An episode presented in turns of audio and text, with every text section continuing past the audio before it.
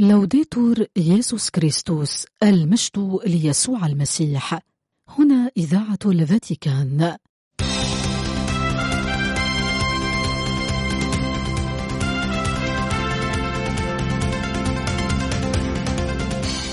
مستمعين الأحباء تحية طيبة من القسم العربي في إذاعة الفاتيكان. ننقل إليكم برنامجنا العربي اليومي حول نشاطات البابا والكرسي الرسولي وأخبار الكنيسة حول العالم. يمكنكم الاستماع إلى برامجنا والاطلاع على آخر الأنباء عبر الإنترنت على الموقع vaticannews.va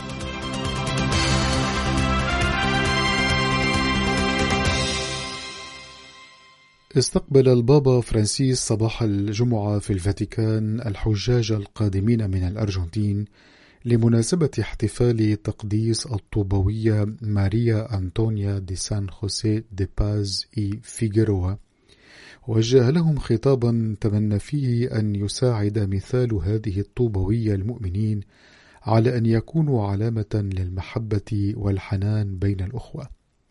ولفت إلى أنها توجه رسالة إلى عالم اليوم مفادها عدم الاستسلام للصعوبات وعدم التراجع عن حمل بشارة الإنجيل إلى الجميع.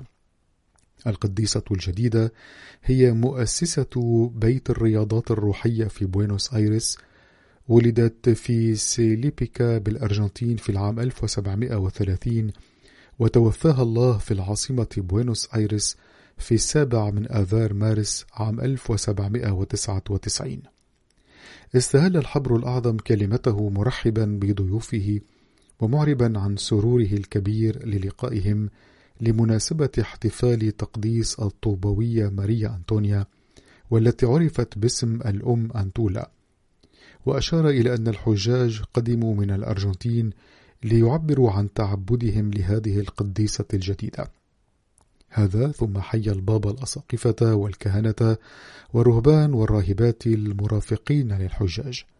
وقال إن المحبة التي عاشتها الأم أنتولا خصوصا وأنها كرست حياتها لخدمة الفقراء والمحتاجين تفرض نفسها اليوم بقوة في مجتمع يواجه خطر أن ينسى أن الفردانية هي فيروس يصعب جدا التغلب عليه وهي تخدع وتجعلنا نعتقد أن كل شيء ينحصر في إطلاق العنان لطموحاتنا الخاصة كما جاء في الرسالة العامة فراتيلي توتي.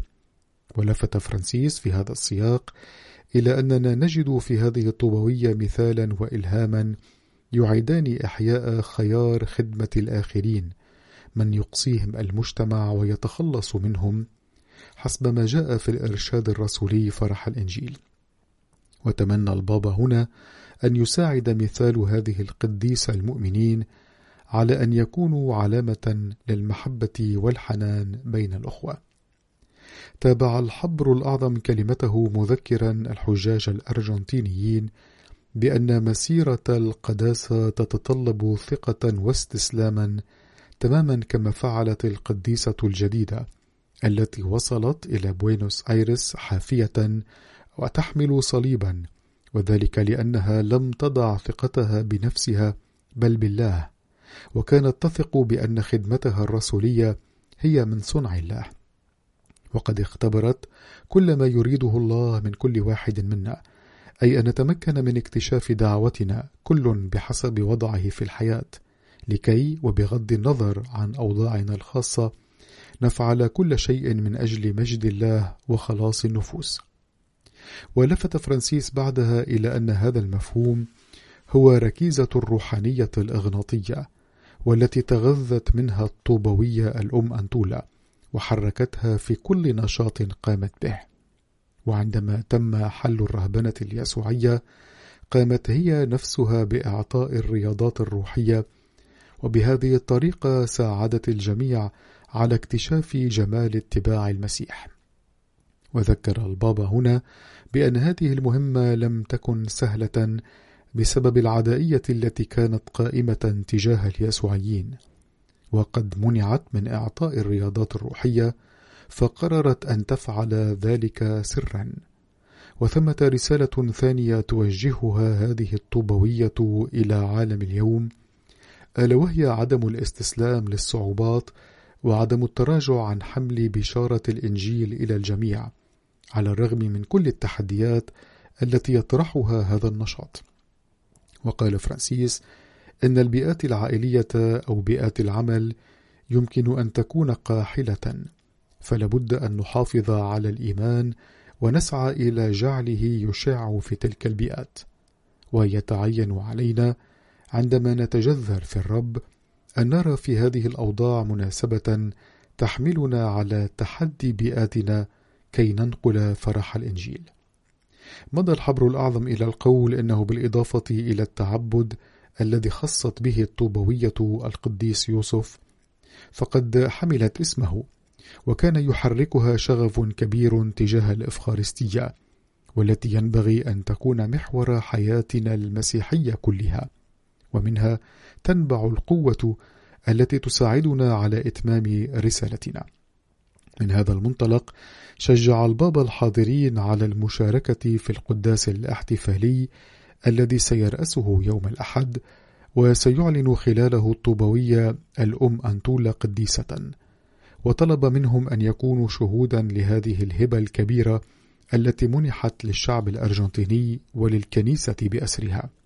وقال نطلب منها هي التي روجت لزيارات الحج أن تساعدنا في مسيرة حجنا معا نحو بيت الآب.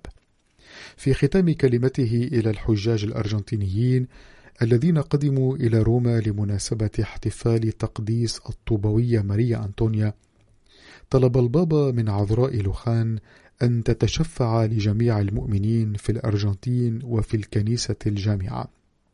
ودعا الحاضرين للصلاة من أجله سائلا الله أن يباركهم.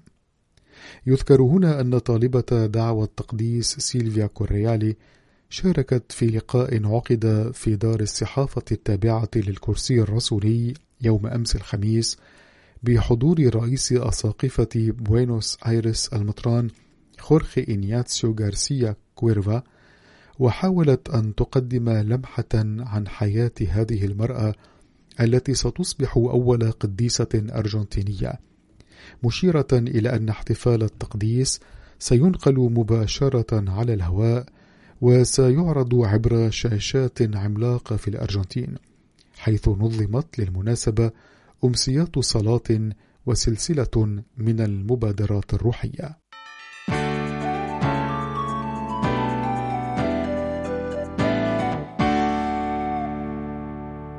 الجميع الجميع الجميع. لقد قال ذلك في لشبونة وكرره في مناسبات أخرى عديدة لكي يؤكد على مبدأ القبول في أساس الرسالة الرعوية للكنيسة وكذلك ليضع الأطر لمنح البركات للأزواج غير النظاميين بما في ذلك المثليين كما تقترح الوثيقة العقائدية Fiducia Supplicans.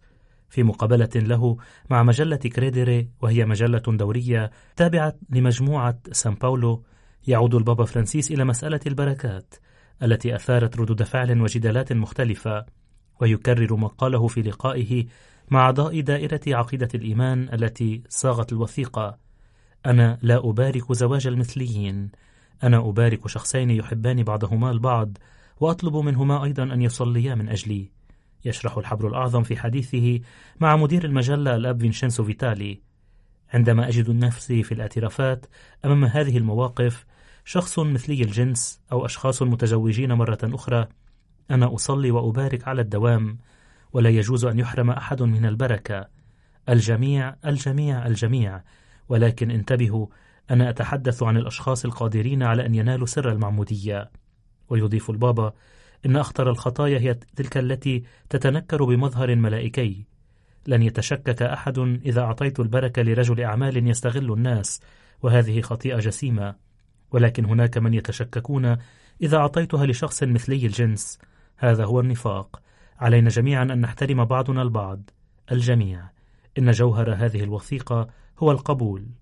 وفي المقابلة مع المجلة الأسبوعية التي تحتفل بالذكرى السنوية العاشرة على تأسيسها والتي ولدت بمناسبة انتخاب خورخي ماريو بيرغوليو عام 2013 يستعيد البابا سنوات حبريته بين أسرار شخصية مثل حواراته مع المسنين أو ذكرياته في بوينوس آيرس أو القضايا الآنية. من بينها اليوبيل حدث نعمة الذي من الضروري في ضوئه أن نكتشف مجددا قيمة الصلاة وحاجتها. ويتحدث البابا أيضا عن الحركات الكنسية وإشراك الشباب في الخبرات الرعوية مثل تلك الموجودة في دول العالم الثالث أو أمريكا اللاتينية حيث يتم التحدث إلى الناس بلغة بسيطة. هناك أيضا وقائع معقدة لا تصل لجميع الأشخاص وحركات راقية كما يقول البابا تميل إلى تشكيل كنيسة من الأشخاص الذين يشعرون بأنهم أفضل من الآخرين. ولكن هؤلاء ليسوا شعب الله المقدس والأمين لأن شعب الله مكون من مؤمنين يعرفون أنهم خطأ ويسيرون قدما في حياتهم. أنا لا أعارض الحركات التي هي أمر مفيد جدا لكن الحركة يوضح الحبر الأعظم تكون جيدة عندما تدخلك في الكنيسة الحقيقية. ولكن إذا كانت انتقائية وإذا فصلتك عن الكنيسة وإذا قادتك إلى الاعتقاد بأنك مسيحي مميز فهذا الأمر ليس مسيحيا. واضح أيضا جواب البابا حول دور المرأة في ظل النداءات المستمرة لإعادة الوجه الأنثوي للكنيسة أو الأحدث لإزالة النزعة الذكورية من الكنيسة. وعد البابا فرانسيس التأكيد على الفرق بين المبدأ البطرسي والمبدأ المريمي وقال الكنيسة هي امرأة وهي زوجة أما بطرس فهو ليس امرأة وليس زوجة وبالتالي فالكنيسة العروس هي أهم من بطرس الكاهن. ثم أضاف أن فتح أبواب العمل في الكوريا أمام النساء هو أمر مهم وشدد في هذا السياق على كيف يمكن للنساء أن يساعدن في الخدمة الكهنوتية. يكفي فقط أن ننظر إلى البلدات الصغيرة حيث لا يوجد كاهن وحيث تدير الراهبات الرعاية ويعمدن ويمنحن المناولة ويقمن الجنازات. وعلق البابا قائلا المهم ليس خدمة النساء الكهنوتية وإنما ما هو أساسي هو حضور المرأة في الكنيسة. وبالنظر إلى الكوريا الرومانية حيث تم تعيين العديد من النساء على مر السنين يؤكد البابا هناك الآن العديد من النساء وسيكون هناك المزيد لأنهن أفضل من الرجال في بعض المهام. واستشهد البابا فرانسيس في هذا السياق بأمينة سر حاكمية دولة حاضرة الفاتيكان الأخت رافاييلا بتريني والنساء الموجودات في الدائرة لانتخاب الأساقفة الأخت بتريني ثم الأخت إيفون رونغوا وماريا ليا زيرفينو رئيسة الاتحاد العالمي للمنظمات النسائية الكاثوليكية وبالأخت أليساندرا سيميريلي أمينة دائرة التنمية البشرية المتكاملة وغيرهن. وقال إنها أماكن تحتاج للنساء. وأخيرا عندما سئل عما إذا كان يدرك أنه بدأ تغييرا تاريخيا من وجهة النظر هذه أجاب البابا يقولون لي ذلك لكنني أسير قدما بأفضل ما أستطيع.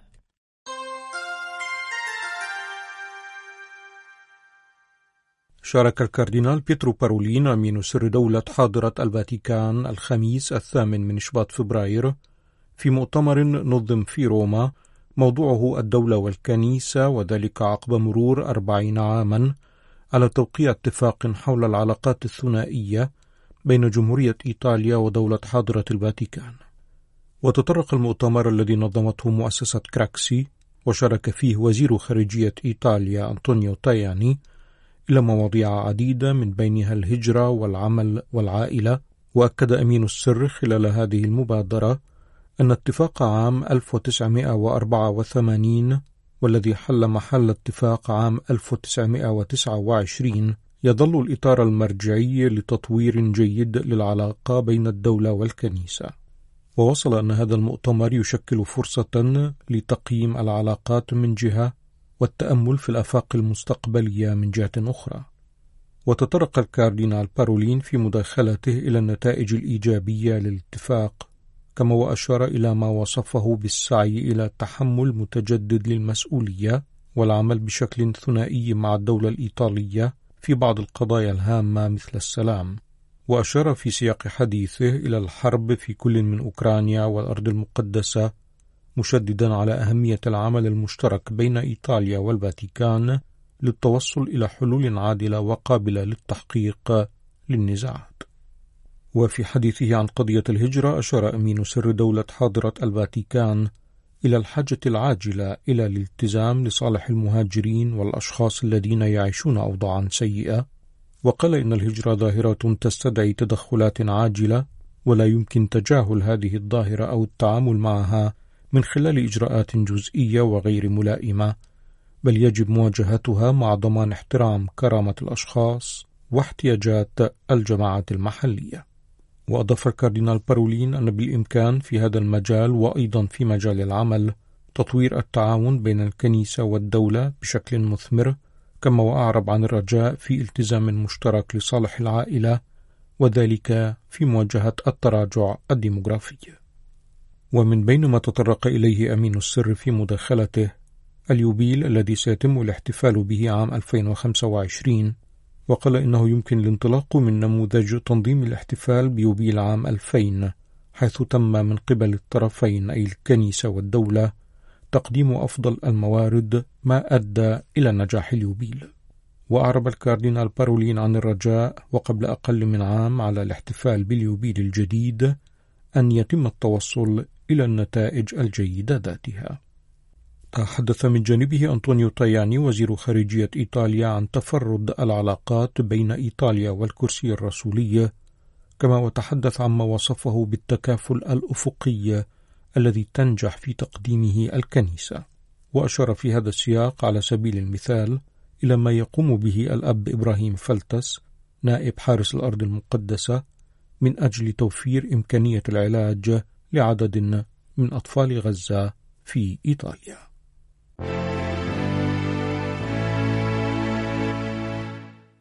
لمناسبة الاحتفال بعيد القديسة جوزيفين بخيتا وخلال زيارته جنوب السودان التي بدأت في الثاني من الشهر ترأس الكاردينال مايكل تشيرني عميد الدائرة الفاتيكانية المعنية بخدمة التنمية البشرية المتكاملة قداسا إلهيا في ملكال الخميس الثامن من شباط فبراير.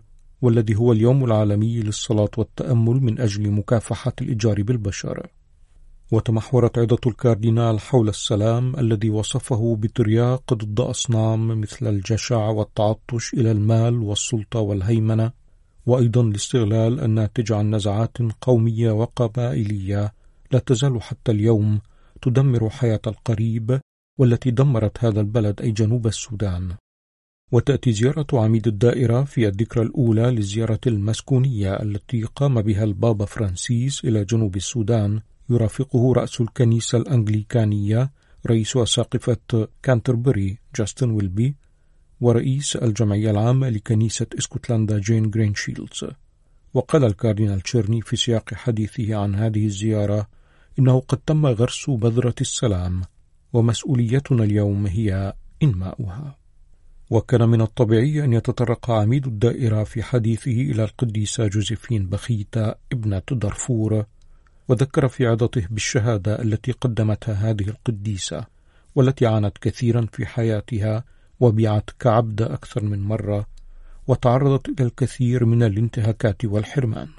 إلا أن قصة القديسة بخيتة هي أيضا قصة رجاء قال الكاردينال مايكل تشيرني قصة انتقال من السجن والعبودية إلى اللقاء مع الله. وذكر بأن هذه القديسة قد شكرت مختطفيها أيضا لأنه بدونهم لم يكن لها أن تعرف لا يسوع ولا الكنيسة. كما وأراد عميد الدائرة التذكير بحديث البابا فرانسيس عن هذه القديسة خلال مقابلته العامة مع المؤمنين في الحادي عشر من تشرين الأول أكتوبر 2023 وذلك في سياق تعليمه الأسبوعي حول الغير الرسولية. حين أشار قداسته إلى محبة هذه القديسة للجميع وكيف أن الشفقة تعني التألم مع ضحايا اللا إنسانية الكثيرة في العالم وأيضا الرأفة بمن يرتكب الأخطاء والظلم أي أنسنته. وفي حديثه عن تجربة عبادة الأصنام اليوم أيضا أشار عميد الدائرة الفاتيكانية لخدمة التنمية البشرية المتكاملة إلى أن آلهة اليوم تختلف عن تلك التي تحدثنا عنها القراءة من سفر الملوك. فاليوم هناك عبادة التطلع إلى الثراء التي تدفع إلى حرمان الآخرين من خيور مشتركة وهناك الرغبة في السلطة والهيمنة لا فقط على الأصعدة الوطنية بل وأيضا داخل الجماعات والتي تقود إلى إقصاء الآخرين ومعاملتهم وكأنهم أقل إنسانية بل وحتى قتلهم. هذا وعد الكاردينال مايكل تشيرني في ختام عظته الخميس الثامن من شباط فبراير عيد القديسة جوزفين بخيتا واليوم العالمي للصلاة والتأمل من أجل مكافحة الإتجار بالبشر عاد إلى الزيارة المذكورة التي قام بها البابا فرانسيس إلى جنوب السودان قبل عام ليذكر الجميع بأن الله يدعوهم إلى السير على درب السلام. وقال الكاردينال للحضور لقد جاء البابا فرانسيس إليكم كخادم للإنجيل وقد شكلت زيارته بداية جديدة لجنوب السودان. وعلينا واجب أن نقتدي بمثله. وأضاف أن الوحدة هي السلاح الذي نملك لمكافحة كل ما يفرق بيننا وينزع عنا السلام.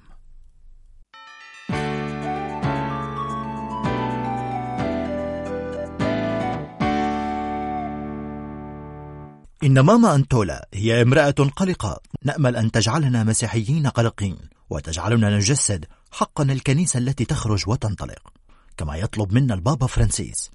يشرح المطران خورخي إغناسيو غارسيا كويرفا رئيس أساقفة بوينيس آيرس أهمية إعلان قداسة الطوباوية ماريا أنطونيا دي سان خوسيه دي باز إي فيغيروا المعروفة باسم ماما أنتولا والتي سيعلن البابا فرانسيس قداستها. في الحادي عشر من شباط فبراير في الاحتفال الذي سيقام عند الساعة التاسعة والنصف في بازيليك القديس بطرس. ويوضح رئيس الأساقفة أن إعلان أول قديسة من الأرجنتين هو عطية للبلاد التي تمر حاليا بمرحلة سيئة بسبب التضخم والفقر. ويعرب أيضا عن الآمال في زيارة مستقبلية محتملة للبابا إلى وطنه كما كان يأمل هو نفسه في مقابلات مختلفة. ستكون هذه الزيارة دافع فرح كبير للأشخاص كما يؤكد غارسيا كويرفا. بالنسبة لي هي تعني لقاء الراعي مع شعبه أعتقد أن هناك الكثير من الأشخاص الذين يرغبون في لقائه ومن ناحية أخرى أعتقد أن البابا فرانسيس هو شخصية معترف بها على مستوى عالمي. إنه زعيم عالمي. بينما في بعض الأحيان نحن الأرجنتينيين لم نسمح لبرغوليو بأن يكون فرانسيس ووضعناه في وسط مناقشاتنا وانقساماتنا الخاصة. يعلق رئيس الأساقفة أيضا على رسالة البابا بمناسبة الصوم الكبير لهذا العام. عبر الصحراء يرشدنا الله نحو الحرية. نص يدعونا من خلاله البابا فرانسيس لكي نحافظ على الفرح وألا نقع في الحزن الذي يفسد النفس ويمنعنا من مواصلة المسيرة. حتى في المقابلة العامة يوم الأربعاء الماضي تحدث البابا عن الحزن الذي يولد اليأس والألم العميق. تابع رئيس أساقفة بوينس أيرس يقول وبالتالي أعتقد أنه علينا أن نكون متصوفين بعيون مفتوحة قادرة على أن تكشف حضور الله في عمق الواقع اليومي. ويؤكد البابا في رسالته أنه في هذه المسيرة في الصحراء يجب علينا أحيانا أن نتوقف ويقول إن التوقف جزء من المسيرة وهذا أمر مثير للاهتمام لأننا في كثير من الأحيان نقوم بأشياء بشكل متواصل أو نتوقف ونعتقد أننا لا نفعل شيئا. أعتقد أنه في بعض الأحيان نحن بحاجة لأن نتوقف لكي نفكر ونتأمل ولكي نصغي إلى صوت الله في أعماق قلوبنا لكي لا نسمح للنشاطية أن تستنفذ قوانا. لذلك من الجيد أن نتوقف في زمن الصوم الكبير ونفكر أن التوقف هو جزء من المسيرة. ثم أشار المطران غارسيا كويريفا إلى الوضع الاقتصادي والاجتماعي والسياسي الحالي الذي تعيشه الأرجنتين وفقا لأحدث البيانات إندكس. يتجاوز معدل الفقر 40% ويبلغ معدل التضخم فيها أكثر من 12% من ناحية يعلق الأسقف لا يمكننا أن نقف غير مبالين لأن معدلات الفقر بالنسبة لنا تعني الإخوة والأخوات الذين يمرون بوقت عصيب. لسوء الحظ تعاني الأرجنتين من هذه الأزمة منذ سنوات. وعلى هذه الأرقام أن تجرحنا لأنها ليست مجرد أرقام بل هي وجوه ملموسة ونقول دائما إن القيادة السياسية والتجارية والدينية جميعنا نتحمل بعض المسؤولية في الوصول إلى هذا الوضع وتتمثل مسؤولية بالنسبة لرئيس الأساقفة أيضا في أن يجتمع الجميع حول طاولة لتقديم بعض المقترحات الملموسة التي ستخرج بشكل نهائي العديد من الإخوة من هذا الوضع الصعب. وبالإشارة إلى التحديات التي تواجهها الكنيسة في الأرجنتين قال المطران غارسيا كويريفا إن الفرح المسيحي هو الجواب على الواقع القاسي والأوقات الصعبة التي تعيشها البلاد ويوضح أن الفرح المسيحي ليس تفاؤلا غبيا وإنما الفرح المسيحي يتعلق بمعرفة أن يسوع يرافقنا وهو أن يكون لدينا الوعي حقا بأنه هزم الموت إلى الأبد بقيامته وأن نعرف أنه غالبا ما يولد الفرح والرجاء من الصليب وأنه علينا كل يوم أن نختار الموقف الذي نريد أن نتخذه تجاه الحياة. لذا فإن التحدي يكمن في كيف يمكننا في ظل الواقع الاجتماعي الصعب الحالي أن نكون شهودا للبشرة السارة أي للقناعة بأن الله يرافق حياتنا وإنه لم ينسانا. في حديثه عن إيمان الشعب الأرجنتيني ركز رئيس أساقفة بوينس آيرس بعد ذلك على شخصية وحياة وعمل ماما أنتولا قبل بضعة أيام من إعلان قداستها وقال إن أول قديسة أرجنتينية يتحدانا كمجتمع وككنيسة لكي لا نترك فقط على المذابح مثال الحياة الذي تركته لنا. وإذ ذكر بهذه المرأة العلمانية من القرن الثامن عشر التي عاشت في الفترة الصعبة التي أعقبت طرد الملك تشارلز الثالث لليسوعيين من إسبانيا وكذلك من النيابة الملكية في ريو دي لا بلاتا ولكنها كانت مقتنعة بأن الرياضة الروحية للقديس أغناطيوس دي لويولا كانت اقتراحا إنجيليا للمجتمع في ذلك الوقت. وعرفت كيف تمضي قدما بها. قال المطران غارسيا كويرفا يجب أن نعيد التفكير في أنفسنا ككنيسة عندما يحدثنا البابا فرانسيس عن الإبداع والجرأة ويكتب في الإرشاد الرسولي فرح الإنجيل عن إعلان الإنجيل بدون خوف وبدون تردد. أعتقد أن ماما أنتولا قد جسدت تلك الروح الإرسالية ولهذا السبب أقول إن مثال حياتها لا يجب أن يبقى على المذبح فحسب بل يجب أيضا أن يشكل تحديا لنا نحن الأرجنتينيين.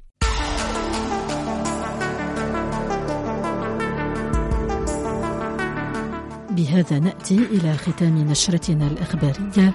قدمناها لكم من إذاعة الفاتيكان.